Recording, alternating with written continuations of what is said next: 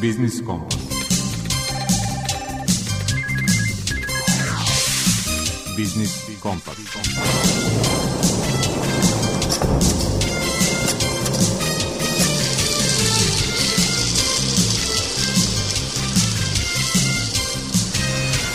Pred mikrofonom je Đuro Vukilić.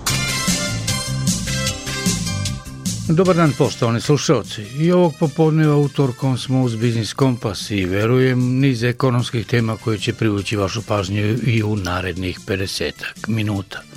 Ukratko o sadržaju emisije. U rubrici Aktualno razgovarat ćemo sa profesorom Beogradskog ekonomskog fakulteta Đorđem Đukićem o inflaciji kod nas, spoljnim i čini se onim važnijim unutrašnjim uticajima na nju.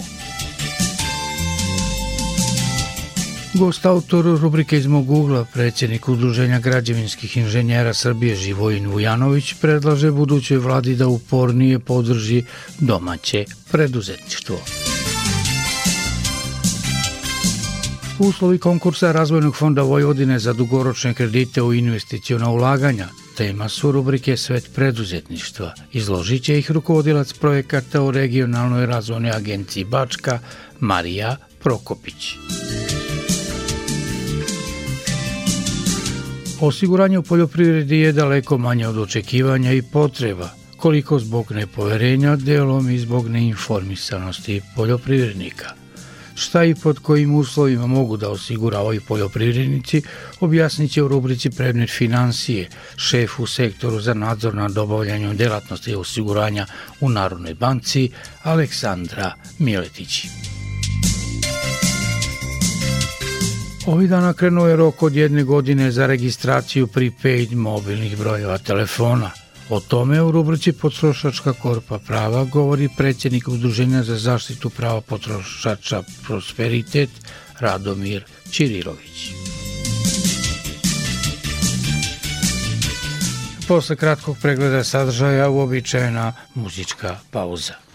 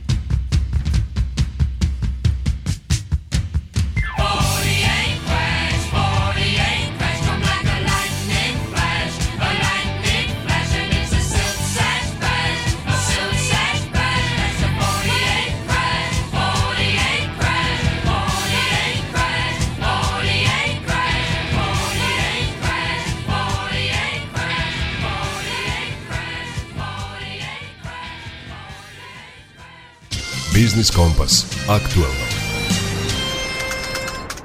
Izvršni odbor Narodne banke Srbije zadržao je referentnu kamatnu stopu na 6,5 od 100 uz procene da bi sredinom godine inflacija trebala da opadne na manje od 4,5 procenta. Profesora sa ekonomskog fakulteta u Beogradu, Đorđa Đukića, pitali smo da li to znači da spoljni i posebno unutrašnje uticaje na inflaciju u Srbiji slabe ili barem ne jačaju. Što se tiče spoljnih pritisaka, oni su drastično opali, evo ključno dokaza, u privredi eurozone januarski podaci govore da je stopa inflacije pala na 2,8% na godišnjem nivou. Nešto lošije stoji Nemačka kao ključna ekonomija eurozoni, stopa cena na malo bila 3,1% na godišnjem nivou u januaru. Znači da u Srbiji imamo daleko, daleko veći rast to daleko veći, znači preko tri puta kad se pogleda relacija prema eurozoni, što govori samo u prilog činjenici da inercijona komponenta inflacije u Srbiji stalna, možemo reći, ovaj hronični ovaj fenomen koji je poznat još iz prošlih vremena, tako da optimizam koji se u izveštaju Narodne banke Srbije nalazi, a to je da bi se moglo očekivati vraćanje na ciljanu stopu inflacije od 3 plus minus 1,5% sredinom 2024. godine, ja mislim da nije, nije utemeljen. Upravo zato što se govori uglavnom o faktorima koji dolaze s polja, ne potenciraju se bar u tom izveštaju koliko ja vidim domaći faktori koji generišu visoku stopu inflacije. A što se tiče spoljnih faktora, postoji potpuno neslaganje među članovima i upravno savjet izvršnog odbora ECB-a da li treba prići odmah već u u aprilu smanjenju ključne ovaj, kamatne stope ili to treba pomeriti za jun mesec, a faktori koji stoje iza toga vezani su za troškovnu inflaciju i vrlo sporo prilagođavanje rasta nadnicama ukupnoj situaciji u privredi eurozone. Zadržavanje referentne kamatne stope na visokom nivou znači skuplje kredite privredi i stanovništvu. Da li je time rizikujemo i usporavanje privredne aktivnosti? Što se tiče toga, direktan vam odgovorom dan, to je da su sumorni odlaci nad nemačkom privredom, evo opet dokazan, a to je da dve najveće nemačke banke, Deutsche i Commerz, i određeni instituti procenjuju da će prvi kvartal praktično zabeležen biti potpuna stagnacija privredne aktivnosti, znači nulti, nulti rast u odnosu na recesiju koja, odnosno negativan rast koji je bio u prethodne godine. Zašto to potencijama? Pa zato što mi velikim delom zavisimo praktično dinamike nemačke privrede, što automatski znači da će stopa potencijalno rasta BDP-a u Srbiji automatski zatim mora da se revidira na niže i ono što je sumona slika to je što da institucije u Nemačkoj ne vide svetlost na e, dnu tunela s obzirom na ukupnu geopolitičku situaciju i procene su da će čitava 2024. godina proteći ako najbolje slučaj bude stagnacija, odnosno čak i recesija tako u privredi Nemačke, a ključni razlog zato jeste deindustrializacija, Šta će u narednim sedmicama i mesecima, pored ovoga o čemu ste govorili, biti najveći rizici po globalnu ekonomsku stabilnost, a šta po srpsku ekonomsku stabilnost? Najveća e, praktično faktor nestabilnosti to je nepredvidivost geopolitičkih događaja, jer evo uzmite samo ovo kad se ukršte sve informacije, ja ne vidim bliskoj budućnosti da će prestati rat e, u Ukrajini S druge strane, verovatno će doći do izvesnog primjerivanja te situacije neposredno oči ovaj, američkih izbora zbog opet kalkulacije onih koji će biti na tim izborima, mislim na Trumpa i Bajdena i njihovi tabora, da se primjeri situacija ovaj, u oči zbog domaćih potreba, ali ono što za mene kao ekonomistu e, ključno, to je da što se tiče potencijalnog rasta e, bruto društvenog proizvoda, ne naziru se svetle tačke, jer Kina, ja ću odmah dati argument za to, koja je vučna snaga postala svetske ekonomije, ona revidira svoje stope prirodnog rasta na niže, nekad je bila ta zlatna petica, uvek ta mislim na rast BDP-a godišnje, sada se to osjetno smanje. Zašto? Zbog krize u sektoru nekretnina, jer je došlo do likvidacije jedne od najvećih kompanija koja je u Kini praktično investirala u nekretnine, automatski tržište nekretnina reći će neko pa šta ima veze Kina, ima i tekako u Kini automatski se reperkutovalo naročito kad je reč o komercijalnom prostoru na pad cena svih tih nekretnina počeo od Amerike, Londona pa nadalje, što znači taj talas koji se vezuje za, za tu bombu na tržištu nekretnina još će dodatno sporiti privrednu aktivnost. Zašto? Pa zbog građevine. Građevinski kompleks je bio jedan od propitačnih koji je obezbeđivao taj privredni rast. Pa na kraju vratimo se u Srbiju i ovde je građevinska industrija bila jedna od ključnih perjanica e, privrednog rasta i ja očekujem da će doći u Srbiji istina do usporavanja mnogo blažeg, jer očigledno još uvek postoje interesi van kredita, ovde se uglavnom ulaže keš, da se jednostavno kupuju nekretnine jer ne postoje drugi načini diversifikacije aktive, pogotovo oni koji žele taj novac ovde da ulože. To nije ni e, obveznica, to nije ni akcija, to nije ni, ni ovaj e, nešto što bi bilo vezano za drugi oblik aktive u smislu privatnih penzionih fondova, ili tako da jednostavno to tržište nekretnina verovatno u celini gledano, ostavljeno sad samo Beograd ili par velikih gradova i Novi Sad, doći će do jenjavanja ulaganja na, na to tržište, tako da će zaključajem time to vidjeti dopunski faktor usporavanja privredne aktivnosti. Znači, molim vas, ne pada, nego usporavanja, uz ovo što sam vam prethodno rekao da ako nemačka autoindustrija ili nemačke kompanije koje imaju ovde praktično svoje filijale ili preduzeća budu trpele stagnaciju, pa neumitno će se to odraziti na te e, kompanije ovde u Srbiji, tako da moramo biti spremni na to što se zove da impulsi spoljni koji se vezuju za privrednu aktivnost slabe, slabe tokom 2020 i četvrte godine za koje verovatno će aktualna vlast pokušati da kompenzira ekspanzijom domaće potrošnje.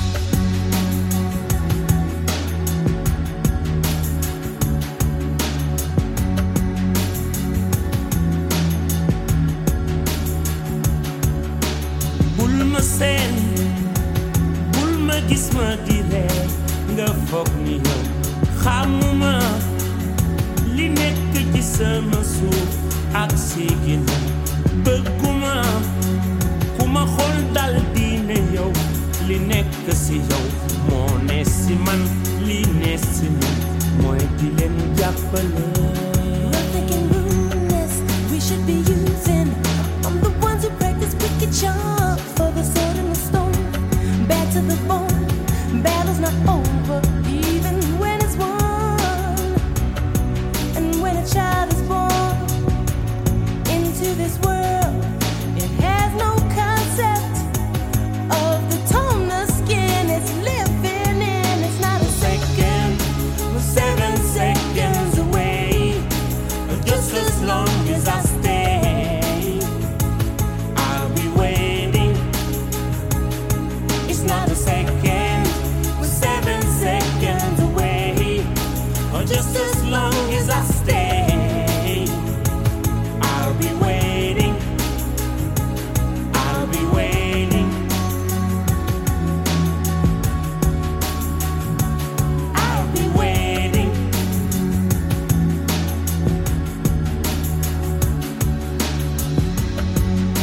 Les raisons qui nous poussent de changer tout.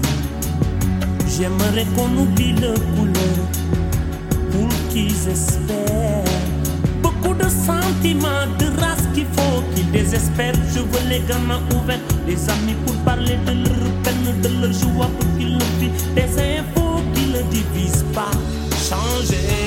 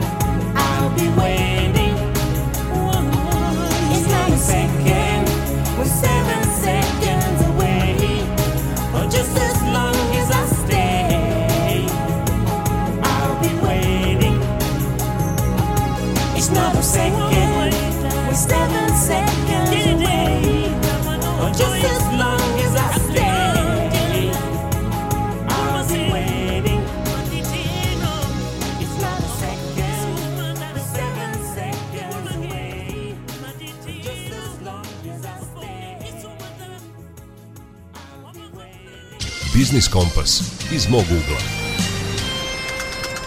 Predsjednik Udruženja građevinskih inženjera Srbije Živojin Vujanović gost autor je današnje rubrike iz mog ugla. To udruženje predlaže budućoj vladi da upornije postiče domaće preduzetništvo. Slažemo se sa vladom Republike Srbije na izgradnji puteva, željezničkih pruga, nacionalnih stadiona. Mislim da je to dobro u razvoju Republike Srbije. Pogrešna ekonomska politika koja se svodi da se zapošljavanje građana Srbije traži preko multinacionalnih kompanija, da oni budu veliki, jer mi smo nekad proizvodili traktore, sad ih više ne proizvodimo, proizvodili kranove, sad ne više ne proizvodimo, proizvodili kamione, sad više ne proizvodimo i u ekonomskoj politici treba da počnemo tražiti rješenje kako da ponovo počnemo proizvoditi kamione, traktore, autobuse i kako da razvijemo malu privredu. U tom sektoru i građevinarstvo je recimo na neki način izuzetno palo. Kad bi se samo setili recimo kakve su građevinske firme koje su radile po svijetu bile iz Srbije, poče beogradskih, subotičkih, novosadskih, sada toga više nema. Sve je zakon na, napravio tako da je to usitnio i da recimo sada nama glavne radove izvode stranci. Mi treba da napravimo takav zakon koji će početi, hajde da kažemo, nekim finom prisilom naterati naše privrednike, vlasnike građevinskih firmi da se udružuju, da postanu neke veće kompanije koje će moći raditi veće poslove u Srbiji, a posle toga recimo da mogu da konkurišu i svetu. Što se tiče građevinarstva, još jedan je veliki problem, ali to je opet problem recimo loših zakona koji nisu dovršeni, nisu logični, pa imamo primjer recimo zagađivanje vazduha. To može da pomogne da se taj problem reši i zakon o planiranju i izgradnji, a to znači da se on dovede u logiku, a to opet znači da se obavežu investitori, da su svoje objekte obavezni da drže tehnički ispravno, vizualnom, lepom stanju. A to znači opet da su obavezni da urade termoizolaciju, da promene prozore, da promene sve ono što utiče na uštedu energije. Sa tim načinom će se smanjiti potrošnja drva, smanjit će se zagađivanje vazduha. Sljedeći korak, recimo ta gasifikacija, to su i građevinski veliki poslovi iza toga. Šta bi ja još dodao? Da bi se građevinarstvo razvilo, potrebno je recimo ono da ima za nekoga da gradi. To znači, da bi se sam proizvodio, potrebno je stvoriti recimo građanima Srbije da ima pristojnu i veliku platu. Hajde da kažemo da bude ta prosečna, ove realna prosečna plata veća od 1000 evra. Druga stvar je recimo potrebno je da bi građevinska firma gradila nekome halu, prodavnicu. Znači mora se napraviti sistem da domaći mali privrednik, da on ima šansu, nadu i potrebu i da počne privređivati u Srbiji. Napisali smo i projekat koji se zove Srpska agencija za posticaj proizvodnje gdje smo predložili da vlada Republike Srbije treba da otvori tu agenciju da se te ideje šta i kako proizvoditi. Stvorit će se uslove da ti naši privrednici uče u samom poslu pa će moći sutradan da budu veći proizvoditi složenije proizvode pa će na kraju možda jednog dana da počnu da mogu konkurisati tim nekim svjetskim kompanijama. Državu Srbiju recimo za početno ulaganje za tu agenciju treba ne mnogo para, možda recimo na neki način treba program, treba recimo neka količina ljudi koja je počela tu ideju da razrađuje.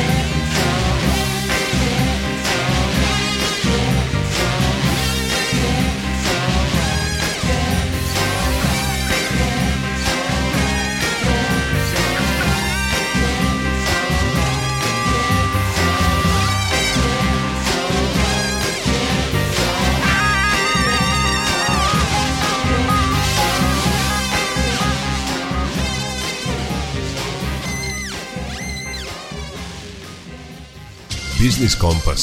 Svet preduzetništva. Uslovi konkursa Razvojnog fonda Vojvodine za dugoročne kredite u investicijona ulaganja tema su današnje rubrike Svet preduzetništva. Izložit će ih rukovodilac projekata u regionalnoj razvojnoj agenciji Bačka, Marija Prokopić. ciljevi dodele sredstava a, jeste obezbeđenje finansijskih sredstava u cilju stvaranja uslova za intenziviranje proizvodnje, podizanje nivoa efikasnosti i konkurentnosti kao i podsticanje zapošljavanja. Za realizaciju ove kreditne linije planirana sredstva su utvrđena programom rada Fonda za razvoj AP Vojvodine za 2024. godinu. Što se tiče namene kredita, oni će se odobravati za finansiranje investicionih ulaganja, ne mogu se koristiti za organizovanje igara na sreću, lutrije i sličnih delatnosti, proizvodnju i promet bilo kog proizvoda ili aktivnosti koje se prema domaćim propisima ili međunarodnim konvencijama i sporazumima smatraju zabranjenim a, ko ima pravo da učestvuje, faktički pravno lice i preduzetnici koji su razvrstani kao mikro, malo ili srednje pravno lice i moraju imati registrovano sedište na teritoriji AP Vojvodine. Takođe, investicija koja je predmet finansiranja mora se realizovati na teritoriji pokrajine. Što se tiče iznosa kredita, u skladu sa kreditnom sposobnošću podnosioca zahteva, iznos je od 500.000 dinara do 100 miliona dinara, a prilikom obračuna iznosa kredita uzima se vrednost investicije bez poreza na dodatu vrednost. Što se tiče kamatne stope godišnje, ukoliko su krediti sa valutnom klauzulom, tada je kamatna stopa promenljiva i računa se kao šestomesečni Euribor plus 2%, gde se primenjuje srednji kurs Narodne banke Srbije za evro. Što se tiče dinarskih kredita, promenljiva kamatna stopa referentna kamatna stopa Narodne banke Srbije plus 0,50% za podnosioce zahteva koji imaju sedište na teritoriji gradova i opština koji pripadaju trećoj i četvrtoj grupe razvijenosti, dok za one koji pripadaju u prvu i drugu grupu razvijenosti kamatna referentna kamatna stopa Narodne banke Srbije plus 0,80%. A, inače vrši se usklađivanje promenljive kamatne stope u skladu sa promenama referentne kamatne stope Narodne banke Srbije na način da će se za budući obručan kamate koristiti vrednost referentne kamatne stope Narodne banke Srbije koja se primenjuje na dan usklađivanja. Neophodno je i sobstveno učešće, najmanje 20%, a za investicije u oblasti organske proizvodnje sobstveno učešće iznosi 10% predračunske vrednosti investicije. Što se tiče roka vraćanja kredita, on je do 7 godina, u okviru kojih je obuhvaćen i grace period. Što se tiče obezbeđenja, neophodno je znači priložiti menice i dodatno garanciju koja može biti u vidu garancije poslovne banke ili hipoteka prvog reda na poljoprivrednom zemljištu, građevinskom zemljištu, stambenoj ili poslovnoj uknjiženoj nepokretnosti. Više detalja o ovom konkursu kao i konkursna dokumentacija mogu se preuzeti elektronskim putem na sajtu Razvojnog fonda AP Vojvodine www.rfv.rs a takođe možete otići i lično u Bulevar Cara Lazara 7a u Novom Sadu ili možete za više informacije pozvati putem telefona 021 454 334.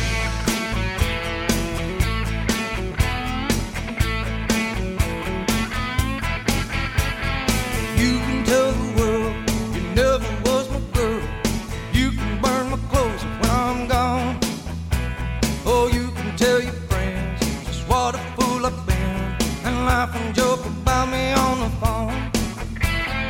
You can tell my arms go back into the phone. You can tell my feet to hit the floor. Or you can tell my lips to tell my fingertips they won't be reaching out for you no more. Don't tell my heart, my achy, breaking heart. I just don't think he'd understand. And if you tell my heart.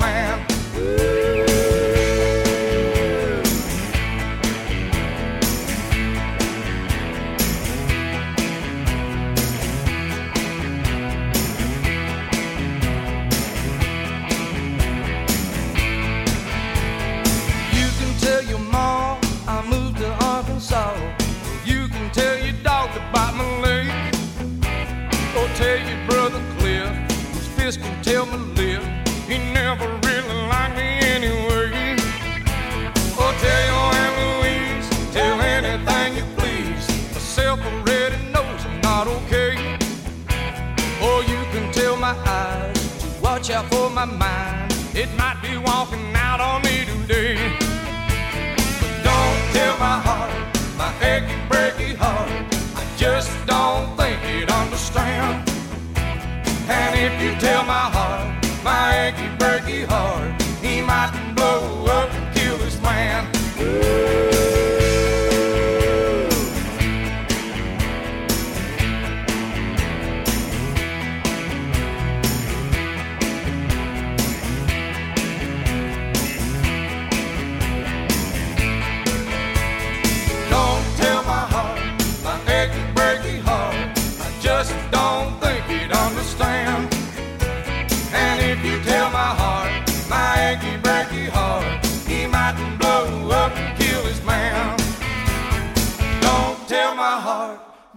achy, breaky heart. I just don't think he'd understand. And if you tell my heart, my achy, breaky heart, he mightn't blow up and kill this man.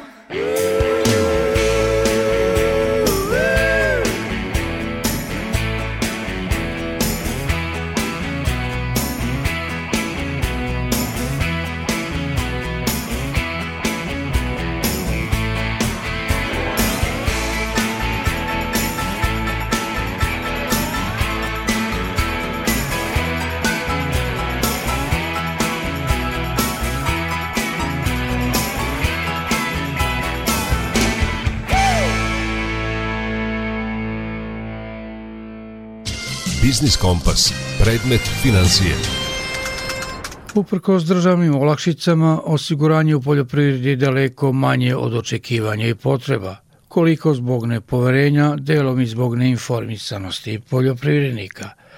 Šef u sektoru za nadzor nad obavljanjem delatnosti osiguranja u Narodnoj banci Srbije, Aleksandra Miletić, objasnit će u današnjoj rubrici Predmet financije šta i pod kojim uslovima mogu da osiguravaju poljoprivrednici. Pod osiguranjem poljoprivrede se podrazumeva osiguranje poljoprivrednih proizvoda, useva i plodova i osiguranje domaćih životinja. Osiguranje u poljoprivredi kao vrsta osiguranja je uređeno opštim uslovima i posebnim uslovima osiguranja koje svako društvo uređuje prema svojoj poslovnoj politici. Prvo ću predstaviti osiguranje useva i plodova. Predmet ovog osiguranja mogu biti svi usevi, višegodišnji zasadi, ukrasno bilje, voćni, lozni i šumski sadni materijal, rasad povrća i drugih biljnih kultura, mlade šumske kulture do navršene šeste godine, vrba za pletarstvo, trska i topola. Kod osiguranja useva i plodova postoje osnovne dopunske opasnosti koje su pokrivene ovim osiguranjem. Osnovne opasnosti su grad, požar i udar groma, a dopunske opasnosti kod svih useva i plodova su oluja, poplava i prolećni mraz, dok na primjer kod semenskog kukuruza to je jesenji mraz. Postoji kolektivni način zaključivanja ovog osiguranja, odnosno osiguranje kojim je obuhvaćen određen broj osiguranika sa svim površinama pod jednakom kulturom na teritoriji jednog naseljenog mesta. Kod osiguranja u poljoprivredi je obavezan pregled stanja osiguranih useva i plodova. Utvrđivanje i procenu štete po prijemu prijave o nastalom osiguranom slučaju osiguravač vrši u prisustvu osiguranika. Kod osiguranja poljoprivrede u praksi često se koristi samo pridržaj, takozvana franšiza, gde osiguranik snosi jedan deo štete, a naknad iz osiguranja se umanjuje za iznos ugovorenog samopridržaja. Ova okolnost utiče na smanjenje visine premije osiguranja. Takođe, često se dešava da osiguravač nadoknađuje troškove prouzrokovane razumnim pokušajem da se otkloni neposredna opasnost nastupanja, osiguranog slučaja, kao i pokušajem da se ograniče njegove štetne posljedice ukoliko je osiguranik te pokušaje preduzeo u dogovoru sa osiguravačem ili uz njegovu saglasnost. Osiguranje kao institucija ekonomske zaštite ima značajnu ulogu i u stočarskoj proizvodnji. Predmet osiguranja mogu biti zdrave domaće životinje i to kopitari, goveda, bikovi, ovce, svinje, pod uslovima da ispunjavaju propisane uslove za starost. Ugovor o osiguranju pruža osiguravajuće pokriće dok se osigurane životinje nalaze u mestu naznačenom na polisi osiguranja. Životinje su osigurane i za vreme njihovog boravka na zemljišnom posedu osiguranika, na redovnim mesnim i stočnim sajmovima, kao i za vreme trajanja i prevoza na određeno mesto i sa njega. Osigurani rizici kod osiguranja životinja su uginuće osigurane životinje od bolesti ili nesrećnog slučaja. Osiguranje drugih ugovorenih rizika reguliše se posebnim uslovima za osiguranje životinja. Na primer, prinutna klanja iz ekonomskih razloga mogu da budu obuhvaćena osiguranjem kod onih hroničnih oboljenja koja su imala svoj početak i bila lečena nakon početka obaveze osiguravača. Lečenje obolelih osiguranih životinja čini posebnu opasnost i obuhvaćeno je osiguranjem samo ako je ugovarač osiguranja zaključio dopunsko osiguranje zdravstvene zaštite. Kada osigurano grlo boli ili mu se desi osigurani nesrećni slučaj, osiguranik je dužan da u svom trošku preduzme potrebne mere za lečenje životinje i da se odmah obrati veterinaru za pomoć. U slučaju oboljenja većeg broja životinja, osiguranik je dužan da o tome obavesti osiguravača. Pojedine društva za osiguranje nude i pakete osiguranja za seoske gazdinstva koji podrazumeva osiguranje i useva plodova, životinja, ali i imovine i koje nose određene pogodnosti i bitno utiču na snižavanje premije. Takođe postoje određene pogodnosti za vlasnike registrovanih poljoprivrednih gazdinstava kojima država vraća deo plaćene premije osiguranja. I na kraju jedna preporuka za građane sa aspekta nadležnosti Narodne banke kao supervizora delatnosti osiguranja je da pre nego što ugovore ovo vrstu osiguranja da se pažljivo raspitaju koja društva za osiguranje nude osiguranje poljoprivrede i pod kojim uslovima. Spisak svih društava za osiguranje koje postoju u našoj zemlji možete naći na našem web sajtu. Posebno uporedite uslove osiguranja kod različitih osiguravača kako biste obezbedili osiguranje koje odgovara vašim konkretnim potrebama. Nemojte potpisivati ugovor o osiguranju dok ne, ne budete razumeli sve njegove odredbe. Tražite da vam se ostavi vreme da detaljno pročitate i razumete predugovornu informaciju koju osiguravač je dužan da vam dostavi pre zaključenja ugovora o osiguranju, a posebno pogledajte opšte i posebne uslove osiguranja. Takođe možete da se raspitate koja društva nude pakete osiguranja za seoske gazdinstva i da li pri tome postoje posebne pogodnosti za vas.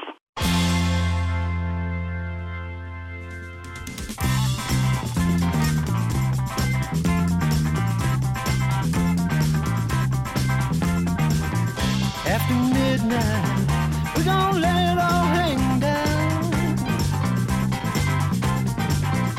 After midnight, we're gonna chug a lug and shout. We're gonna stimulate some action. We're gonna get some satisfaction. We're gonna find out what it is all about. What it is all about? After midnight, we're gonna let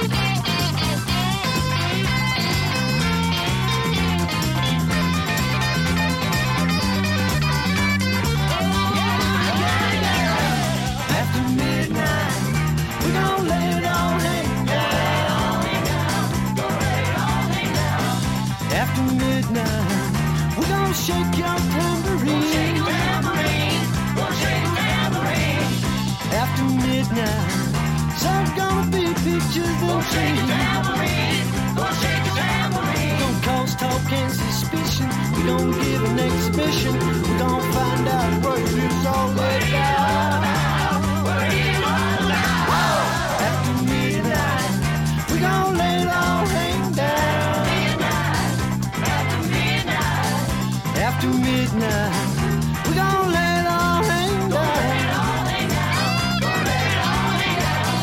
After midnight,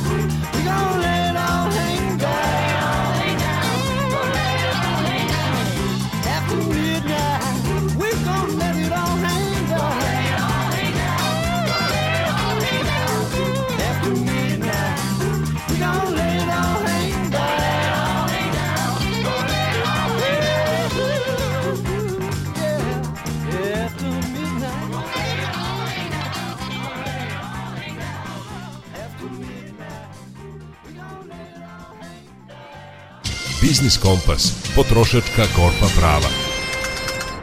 Obavezna registracija prepaid broja mobilnih telefona tema je rubrike Potrošačka korpa prava i izlaganja predsjednika Udruženja za zaštitu prava potrošača Prosperitet u Novom Sadu, Radomira Ćirilovića. Pre toga nego što damo konkretnu informaciju u vezi sa ovim i način kada ostvarite tu obavezu, da ne kažem pravo, da podsjetimo šta znači dopuna ili prepaid. Prepaid podrazumeva plan u kojem se unapred plaća određeni iznos novca mobilnom operateru za paket usluga.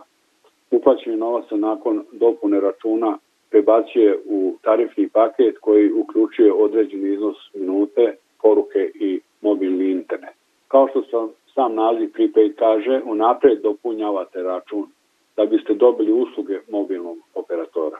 Upravo iz navedenih razloga češće ćete čuti da se ovaj plan naziva dopuna. Zbog toga je uobičajan izbor potrošača koji žele da na neki način kontrolišu svoje troškove. Pretplate ili postpaid, za razliku od prepaid računa, gde se unapred plaćaju iznos na račun da bi se ostvario, kako rekao, paket usluga mobilne telefonije, postpaid podrazumeva plaćanje fiksnog iznosa. Na kraju svakog me ideja za ovakav način plaćanja jeste da korisnici budu u mogućnosti da konstantno koriste telefon, čak i kada pređu iznos koji je određen ugovor.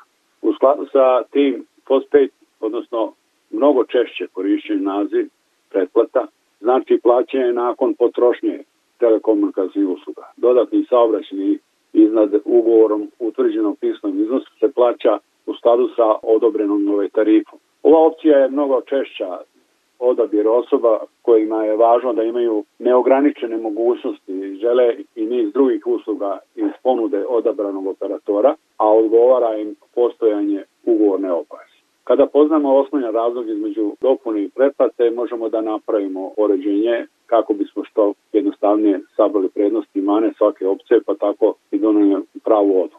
I dalje je glavna dilema potrošača da li se više isplati biti u prepaid ili postpaid korisničkom odnosu, što isključivo zavisi od korisničkih navika. Tako svaki korisnik prema svojim potrebama i navikama bira tarife. Pored toga što postpaid paket imaju određenu količinu besplatno saobraćaja uključenog u pretplatu za prepaid tarife opredeljuju se korisnici koji žele da kontrolišu troške u skladu sa svojim potrebama i koji nemaju potrebe za novim telefonom. Bitno je istaći i to da se su korisnici u postpaid ugovorom najčešće obavezuju da dve godine i da će ukoliko pre toga roka požele da raskinu ugovor ili promene operatora, morati da plate penale operatoru koji žele da napuste kojim troškovima prepaid korisnici nisu izloženi.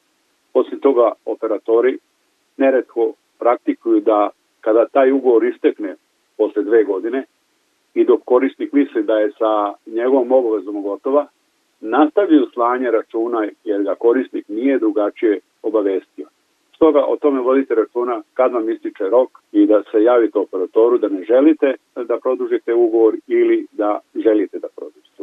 Ukoliko ne želite, znači morate to naznačiti, inače će operator sam nastaviti slanje računa i e, smatraće da ugovor nije raskinut. U skladu sa zakonom o elektronskim komunikacijama, Ministarstvo informisanja i telekomunikacija nedavno je u službenom glasniku objavio objavilo pravilnik o tehničkim uslovima za registraciju krajnjih korisnika usluga sa plaćanjem unapred ili prepaid koja je obavezna počev od 10. februara, znači toko ovog meseca krenula je obavez. Prema novom pravilniku o tehničkim uslovima za korisnike kartice uz plaćanje unapred, odnosno dopune, uvodi se obavezna registracija za nove, ali i postojeće korisnike. Stari korisnici koji se ne registruju do isteka roka moći će samo da pozivaju hitne službe ili korisničke servise. Svi neregistrovani prepaid korisnici moći će da se registruju u poslovnicama dok će postepeno biti uvedene i online registracija korišćenjem šeme elektronske identifikacije osnovnog nivoa pouzdanosti. Neregistrovani prepaid korisnici će najkasnije do 10. februara iduće godine, to je 2025. moći da koriste sve usluge, a od tog datuma registracija će biti obavezna i za postojeće i za nove korisnike. Znači, postoji jedan prelazni period.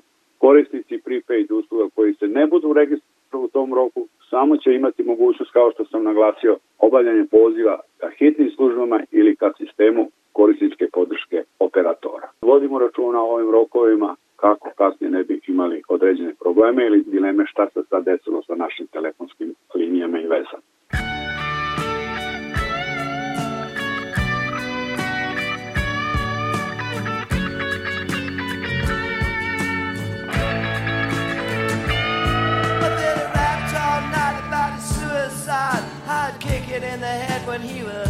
25. Speed jive, don't wanna stay alive when you're 25. And when you're stealing clothes from Marks and Sparks, and Freddy's got spots from ripping up the stars from his face. Funky little boat race. The television man is crazy, Sam with juvenile delinquent Rex.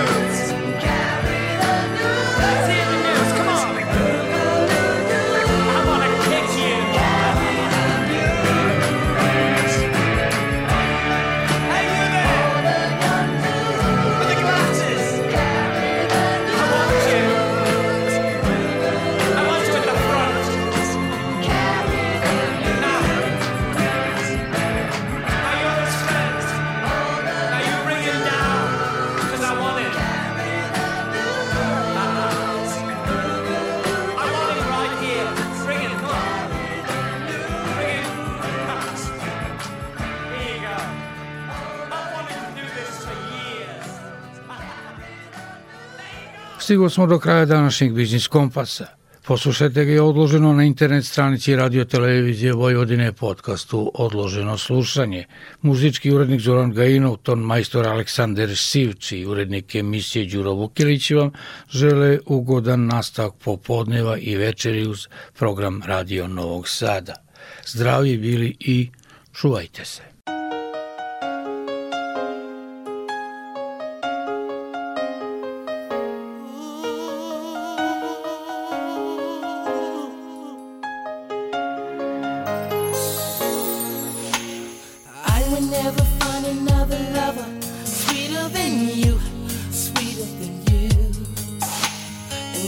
Never find another lover more precious than you, more precious than you. The girl you are. Close to me, you're like my mother. Close to me, you're like my father. Close to me, you're like my sister. Close to me, you're like my brother. You are the only one, you're my everything. And for you, the song I sing.